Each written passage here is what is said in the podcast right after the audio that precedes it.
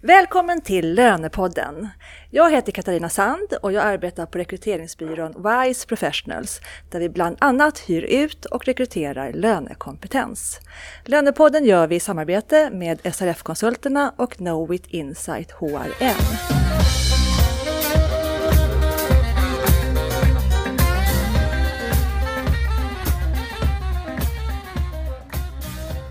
I det här avsnittet så ska vi följa upp arbetet med arbetsgivardeklarationen på individnivå, AGI. Och det blir vårt tredje på det här temat och lika många gånger har Helena Jangel Strid varit med på Skatteverket. Välkommen Helena! Tackar! Hur känns det att vara med igen? Det är jätteroligt, lite pirrigt också. Mm. Det ska det vara. Med oss på telefon från Göteborg så har vi Sara Mellgren som är lönekonsult i Kungsbacka kommun. Välkommen! Tack så mycket! Du skulle egentligen varit med oss här i studion i Stockholm, men du har faktiskt legat sjuk i covid-19, ganska allvarligt. Och vi är så glada att du är frisk igen och att du är med oss på telefon. Ja, tack. Usch, det var eh, en resa.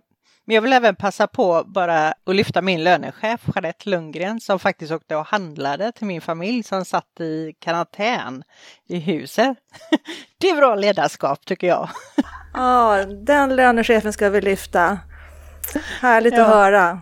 Och så ja. skönt att du är frisk igen och med oss här nu, Sara. Och sen har vi Senny Sjölund med oss också, min bisittare, branschansvarig för lön på SRF-konsulterna. Välkommen Senny! Tack så mycket! Sara, du är som sagt lönekonsult i Kungsbacka kommun och ni hanterar cirka 9200 löner. Och i din roll ingår en hel del personalekonomi du hanterar löneskulder och den här arbetsgivardeklarationen på individnivån och du hanterar en del löner också.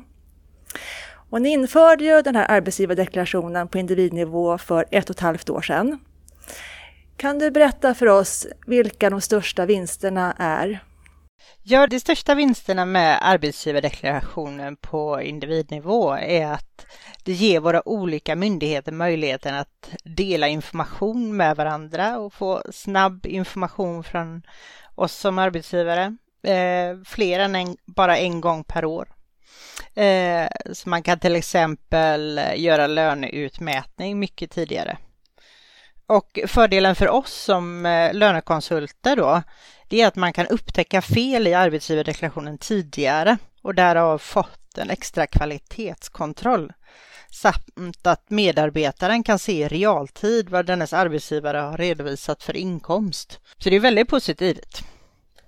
Jag vet också att, eh, och det kommer vi komma tillbaka till lite senare i programmet, att det finns också en hel del utmaningar och att du har några frågor till Skatteverket, men det kommer vi komma in på lite senare. Eh, Helena, vi spelar in dig här också. Eh, utifrån Skatteverkets perspektiv, kan du berätta lite hur ni har det just nu och vilken typ av frågor ni får in? Ja, just nu så är det ju ehm, mest frågor ehm, som är relaterade till ehm, pandemin, till covid-19. Hur man ska redovisa nedsättningen av arbetsgivaravgifter och eh, eh, och även mycket rättelser naturligtvis eftersom man, det här med parkeringen, att man inte ska beskattas för fri parkering till exempel och så. Så man rättar. Så det är mycket frågor kring rättelser och det har det ju varit hela tiden, det ska jag säga. Det är mycket frågor kring det. Okay. Men annars rullar det på som, som det ska eller är det någonting som ni känner att, nu, att, att ni har, eller inte känner, men är det någonting som ni har ändrat Eh, utifrån de frågeställningar som har kommit in ifrån löneavdelningar? Ja, det, det har vi gjort hela tiden, eh, eh, ändrat. Eh, dels så hann vi kanske inte riktigt med allting som vi hade planerat, eh, men sen har vi också eh, utvecklat saker, till exempel som den här visa sammanställning för flera perioder. Det är ju någonting som var så otroligt efterfrågat och som vi också då lanserade precis för eh, årsskiftet förra året. Så att vi, vi plockar upp hela tiden från programvaruföretag, eh, från branschorganisationer och också från enskilda arbetsgivare saker som vi kan förbättra. Mm. Och då måste jag bara koppla in och säga, jag måste säga Skatteverket har gjort ett fantastiskt jobb i samband med covid-19 och den hanteringen. Hur ni har varit snabbfotade, lyhörda, gjort smarta lösningar som också har baserats mycket på på AGIN som gör en möjlighet så att allt det här slitet och jobbet som löneavdelningar har hållit på med när man tycker vad ska det här vara värt att göra, all den här investeringen i tid och, och problemlösning och sen ser man nu vilken effekt det faktiskt kan bli i den här hanteringen, till exempel när det gäller nedsättning av arbetsgivaravgifterna. Ni var ju fantastiska och det måste man lyfta fram för vi har ju, vi är ju kontakter kontakt med andra myndigheter också. Så att, men, men Skatteverket sticker verkligen ut i hur ni har varit lyhörda och bra på den här hanteringen utifrån AGI-rapporteringen. Så det måste jag verkligen tillstyrka. Det är roligt att höra och vi har ju jobbat mycket med det, så att, men det är jättekul att höra också. Mm. Sen, jag vet att ni har, har ett utlåtande på gång eh, kring rättelserna. Eh, kan du berätta lite hur långt ni har kommit med det? Ja, vi, vi vet ju att det är ett område som inte bara liksom hanteringen gentemot Skatteverket utan det är ju hela processen i rättningar kring hur man ska göra bokföringsmässigt och hur man ska tänka utifrån informationshantering och sånt. Så håller vi på att se över det i vår expertgrupp då för att se hur vi kan underlätta och stötta upp då. Inte, vi är ju inga liksom, lagtolkare på något sätt och vi inte, går inte in på Skatteverkets bemyndigandeområde på det sättet utan det är mer att stötta upp i processen runt omkring och där jobbar vi med vår expertgrupp då kring AGI-rapporteringen i mm. rättningar. För vi, det är precis som Helena säger. Det, har, det var ju väntat innan. Det har ju varit det som har rullat på. Och det är det som vi också måste förhålla oss till framöver. Att vi har ett regelverk som gör att det kan bli mycket, mycket mer rättningar.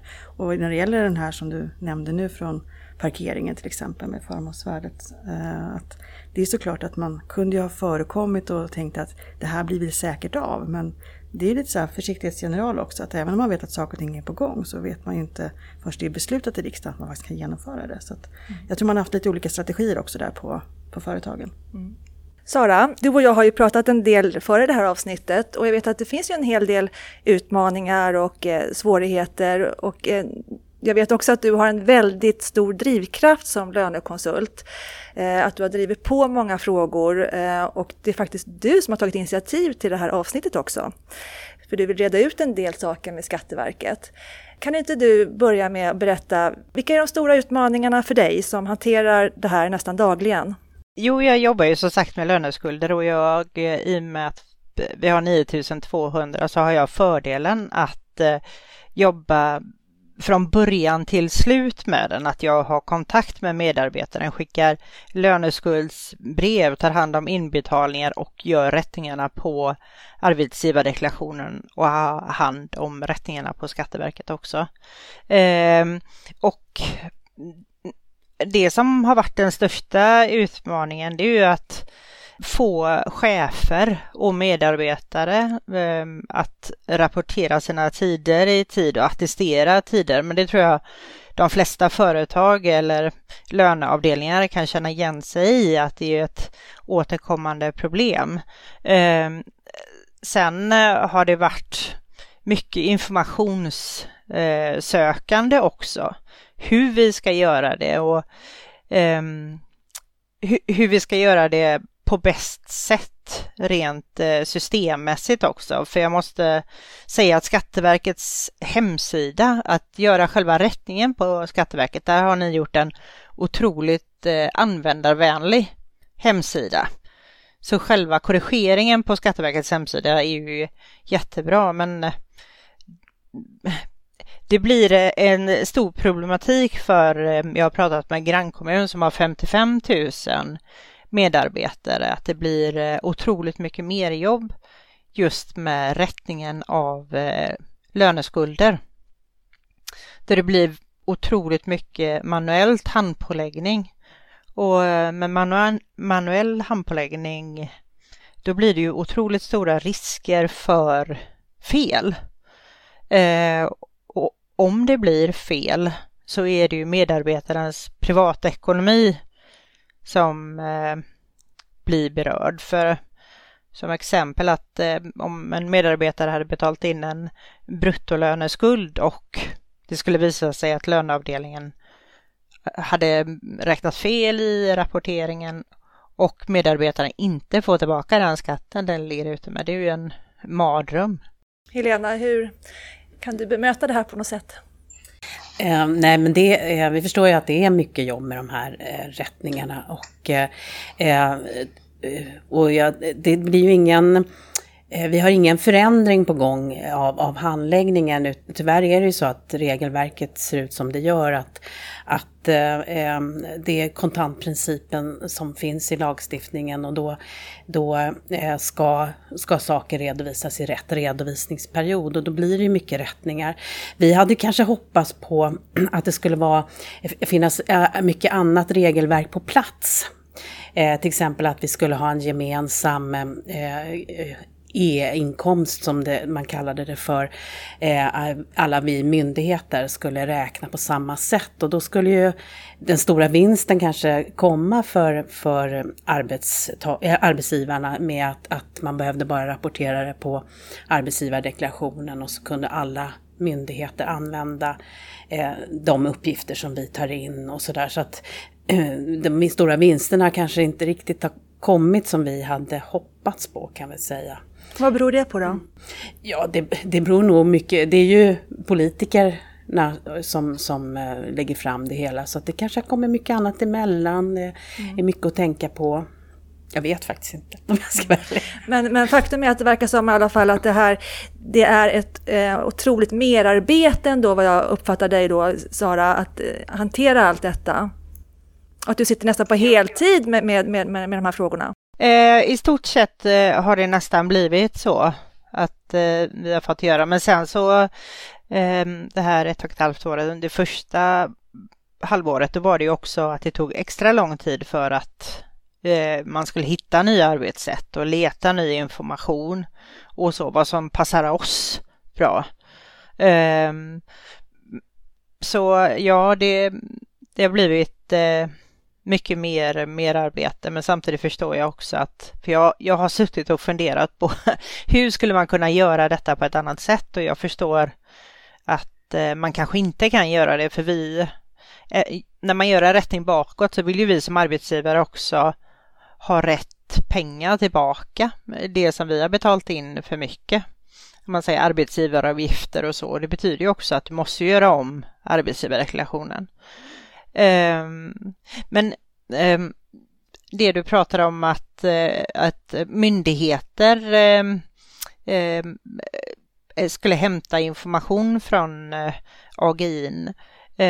hur långt har ni eller hur, hur långt har det arbetet kommit? Alltså vil, vilka hämtar informationen från AGI?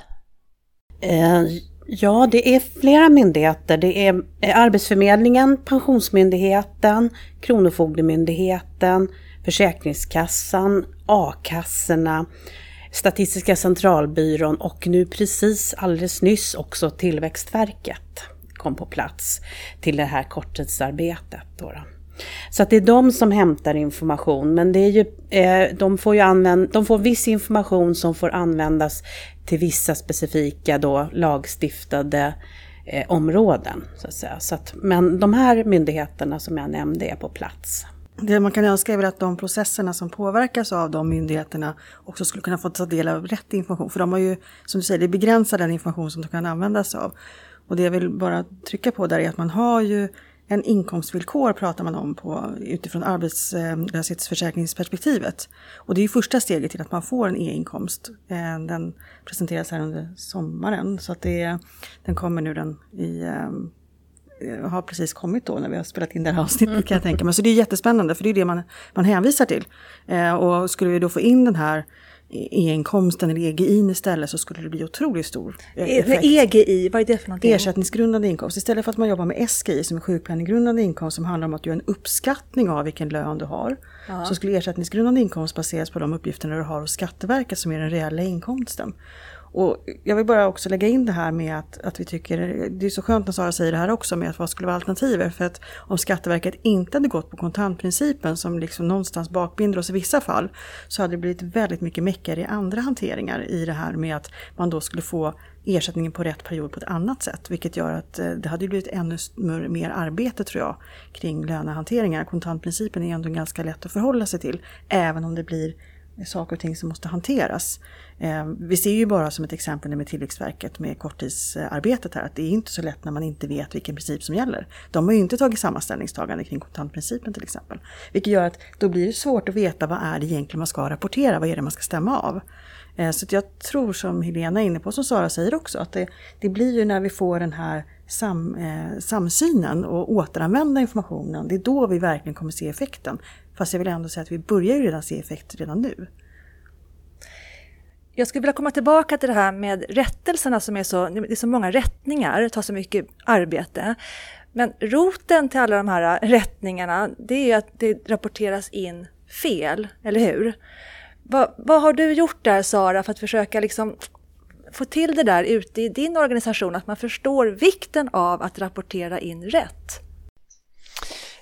Ja, till en början då, innan första januari, så eh, gjorde vi ett eh, nyhetsbrev kring den nya lagen och skickade till alla chefer och la det eh, på insidan som det heter, det är kommunens intranät, där vi informerade om förändringen med kontrolluppgifter per månad och att löneskuld och om en löneskuld uppstår att det kommer att drabba våra medarbetare hårdare då du får betala bruttolöneskulden eh, istället för netto. Sen eh, var vi runt på olika arbetsplatsträffar. Vi informerade i olika ledningsgrupper. Vi har även talat med alla ekonomichefer för att informera dem kring förändringen. Vi tycker det är viktigt att få med ekonomerna på förvaltningarna för att hjälpa dem att lättare ha koll på sina personalkostnader så att man kan sänka kostnaderna väsentligt. Eh, för vi får inte glömma att löneskulder är bara den frånvaron som faktiskt upptäcks. Det finns ett stort mörkertal av till exempel frånvaro som inte har registrerats, där det har gått ut lön för dagar som medarbetaren inte varit på plats. Man kanske till och med haft in en vikarie och fått ännu högre personalkostnader. Och eh, sen så har vi även med det i vår chefsutbildning som ett eget kapitel också. En annan sak som vi har gjort det var att vi började föra eh, statistik på löneskulder per förvaltning och chef eh, som ett hjälpmedel till förvaltningen där det aktivt kan jobba med löneskulder på sin förvaltning. Då det kan se till exempel om det är någon speciell arbetsplats eh, som får många löneskulder som kanske behöver få mer information vad man ska tänka på så man inte får löneskulder. Och där vi på Lönecenter då kan bistå med utbildningar i och med att oftast handlar det ju om okunskap. Har det blivit bättre då? Kan ni se någon skillnad? Att eh, antalet går ner? Ja, jo, absolut, men som eh, jag tror att alla, alla företag och kommuner har ju samma problem med att få chefer att attestera i tid och få medarbetare att registrera sin frånvaro i tid. Utan eh, vi arbetar mycket med att få cheferna att sen förstå. Alltså sen gör vi också olika så här punktinsatser som nu i augusti kommer vi göra ehm, en insats då för att vi märker att tack vare statistiken att vi följer den, hur det ser ut månadsvis, så ser vi det att de föregående år att det blir stora nya löneskulder i september. Så då gör vi eh, insats i augusti just för att sänka det. Jag vet Sara att eh, du känner många lönekonsulter eh, runt omkring i kommunerna där du bor som känner sig rätt ensamma i hanteringen av arbetsgivardeklarationen på individnivå. Eh, berätta lite kring hur du tänker där när jag eh, ringde runt till de olika kommunerna, för det är det som är så fantastiskt att jobba i en kommun, att man eh, delar sin, man är givmild med informationen till varandra så man slipper uppfinna hjulet.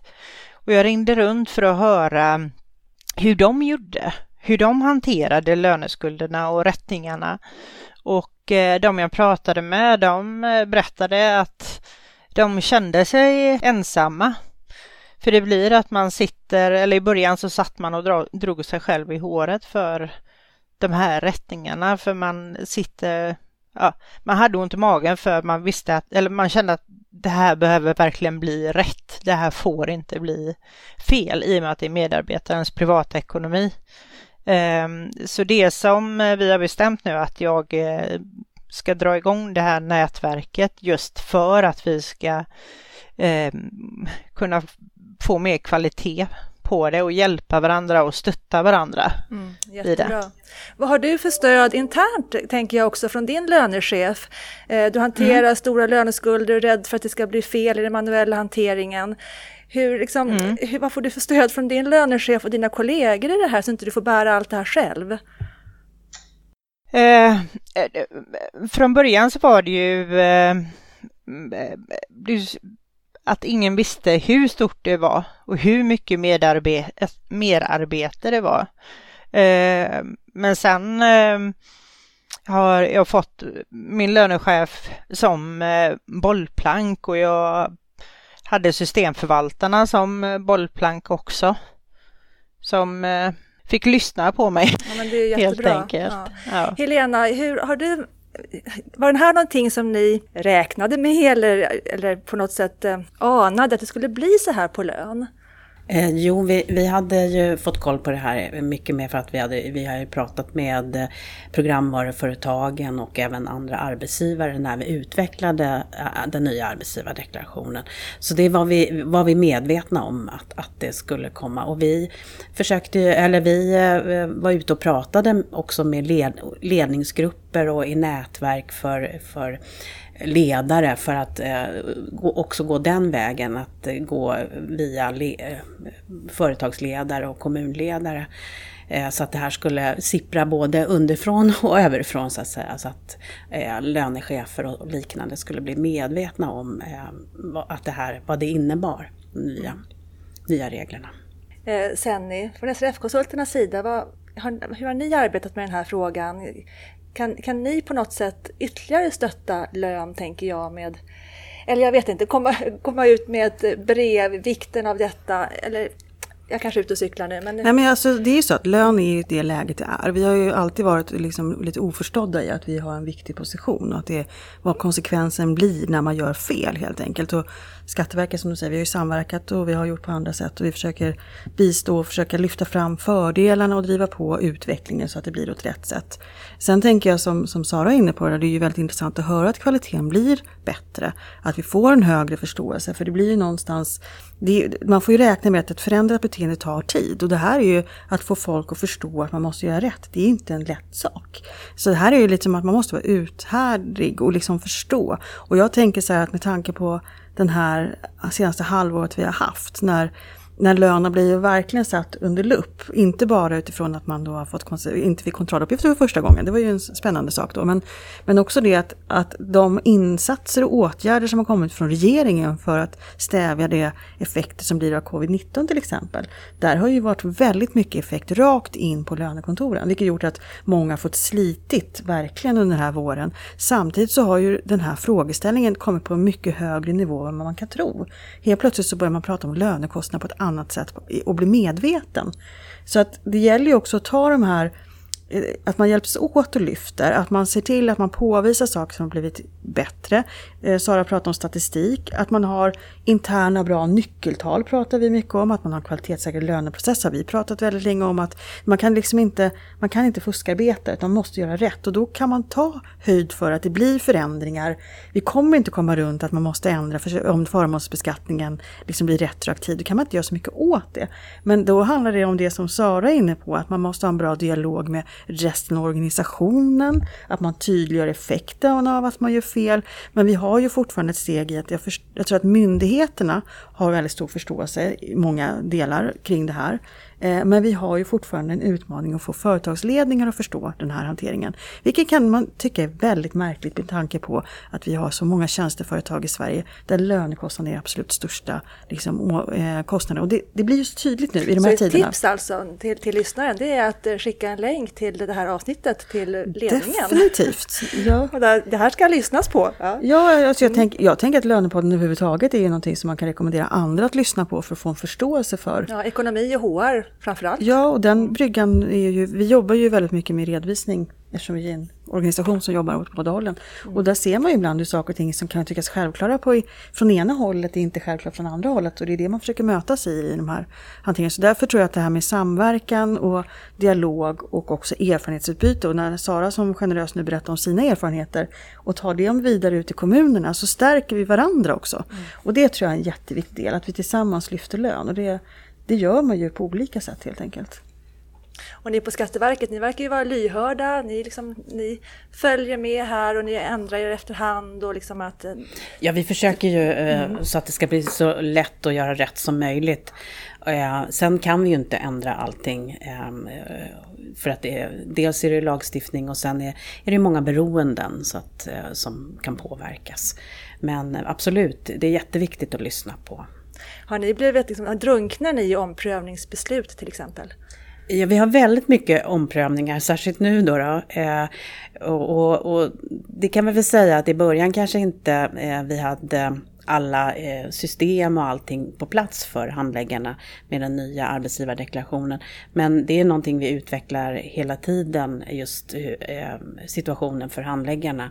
Att det ska bli enkelt och så mycket som möjligt ska bli automatiskt. Och och att det ska vara, de ska ha mycket mera hjälp i sin, sitt dagliga värv så att säga. Så att, eh, men det är någonting som vi hela tiden jobbar med. Sen finns det ju större politiska strategiska planer som, som påverkar in i den här hanteringen. Vi pratar ju om EGI eller e-inkomsten eller vad man nu kommer att benämna det. Men det finns ju andra incitament där man vill se till att Sverige ska vara konkurrenskraftigt. Vi ska kunna hantera information och data på ett bättre sätt.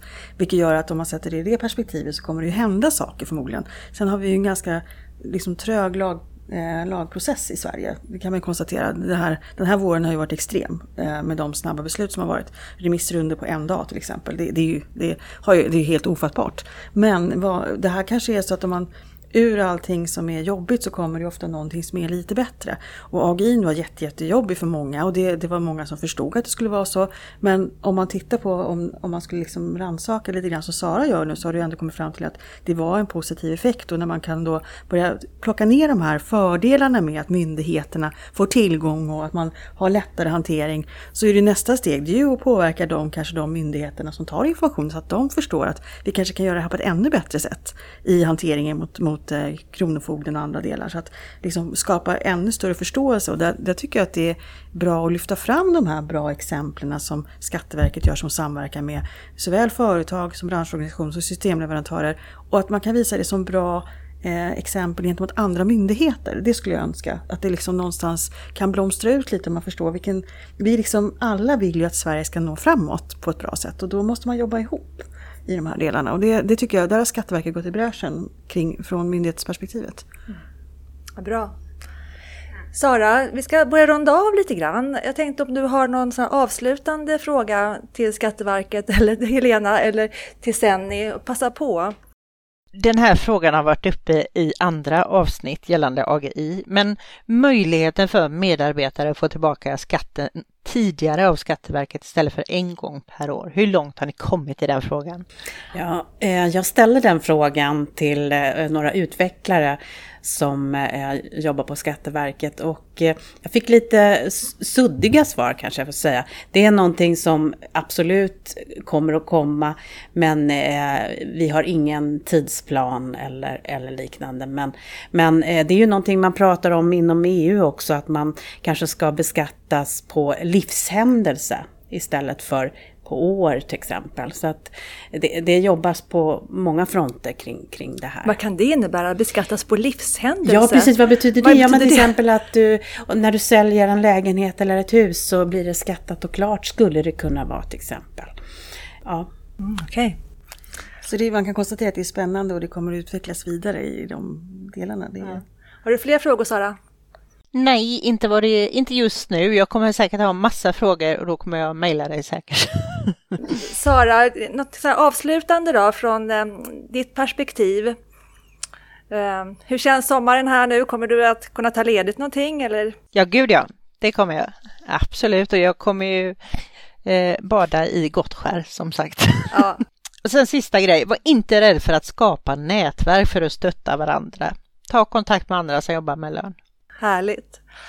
Eh, Helena, har du någonting, någon avslutande take till lyssnaren? Någonting som du vill säga? Någonting som kanske är på gång på Skatteverket? Någonting nytt som ni har i kikaren? Eller? Ehm, ja, vi kanske har fått stå tillbaka lite med det nya just nu, men, men vi jobbar ju mycket med eh, det här med API-er. och eh, det som vi jobbar på i alla skatteslag, men också inom arbetsgivare, det är ju att vi ska kunna tillgängliggöra den information vi har och det regelverk som finns eh, hos andra. Att vi, det ska exponeras hos andra. Så att eh, det ska bli lätt att ta, ta sig till, eller man kanske ska hitta i sitt lönesystem. Eh, så, att, så det jobbar vi mycket med, att, att eh, berätta vad vi har och vilka regler som gäller på ett eh, enklare sätt. Låter jättebra. Och du får också semester snart hoppas jag? Ja, det får jag. Alltså. Ja, mm, härligt. Och Senni, har du någonting avslutande att säga till lyssnaren angående AGI? Eh, jag kan säga att det är väl första steget till att vi faktiskt får en mer av en månatlig löneprocess eh, som sätter standard på ett annat sätt i hur vi jobbar. Och det arbetssättet kommer ju fortsätta förändras. Och vi har ju säkert andra intressenter, vi vet att det är andra aktörer som inte bara är myndigheter som ser över hur man rapporterar det som kanske idag rapporteras på årsbasis, att det blir månatligen så vi får mer tydligare avslut hela tiden, vilket gör att förutsättningarna på löneavdelningen ser annorlunda ut. Och det får man ju förhålla sig till. Det är ju en, en föränderlig värld vi lever i. Och vi får med tekniken och API och andra delar så finns det ju mycket som kan förändras. Och det här utlåtandet som ni är på gång med, kan, kan du säga någonting om det, vad det kan innebära? Ja, det är ju mer en praxis liksom, i hur man ska han, tänka, hantera kring redovisning och andra delar som ställer frågor. Det är ju den interna processen, precis som, som Sara var inne på, att det är innan och efter. Hur gör man? Hur hanterar man det? Och vad blir det för konsekvenser? Hur kan man komma runt dem? Och för att vi har ju som sagt ett regelverk att förhålla oss till. Kommer det eh. komma in i SALK då? Nej, alltså SALG är ju mer av en processbeskrivning så att det är inte, vi går inte in och gör liksom den hanteringen. Okay. Utan det, mm. det här är mer en, en motsvarande som vi har gjort med andra typer av uttalanden då när vi försöker tydliggöra vikten av en lönespecifikation till exempel som var som vi hoppas på att många nu liksom har förstått att vad viktigt det är. Det som Sara var inne på, att, att eh, medarbetarna inser att det är viktigt att jag har rätt från början jag också. Och har man, gått på, på, har man någon gång fått en bruttolöneskuld då kanske man förhoppningsvis också lär sig att man snabbare ska stämma av att uppgifterna är korrekta in. Så att det är en kvalitet och att man har bra processer, det tror jag. Ska man hålla utkik då på er hemsida? Eller hur får man information om att ni har kommit med ett utlåtande? Det kommer oftast via vår hemsida, pressmeddelanden, tidningen eller annat. Vi gör ju det i samverkan med branschen så det är inte SRF-konsulten, det finns ju andra experter med i de hanteringarna. Hålla utkik efter det. Vi kan mm. återkomma till det i podden också när det berätta när det är klart helt ja. enkelt, kanske enklast. Okej hörni, jag hoppas att du, också, du får en bra sommar sen. Ja. Tack så mycket till dig som lyssnar. Tack Sara, tack Helena, Senni, Henke, vår poddproducent. Hoppas att ni får en riktigt skön avkopplande sommar. Det behövs nu efter den här coronavåren. Vi hörs igen. Hej då! Hej då! Hej då!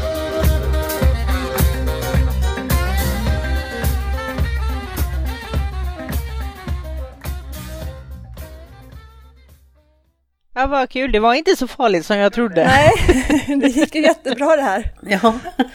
Tiden går fort kan man säga i alla fall. Ja, det gör den verkligen. Ja. Man känner bara, oops! Ja, halvtimmen är inte så lång.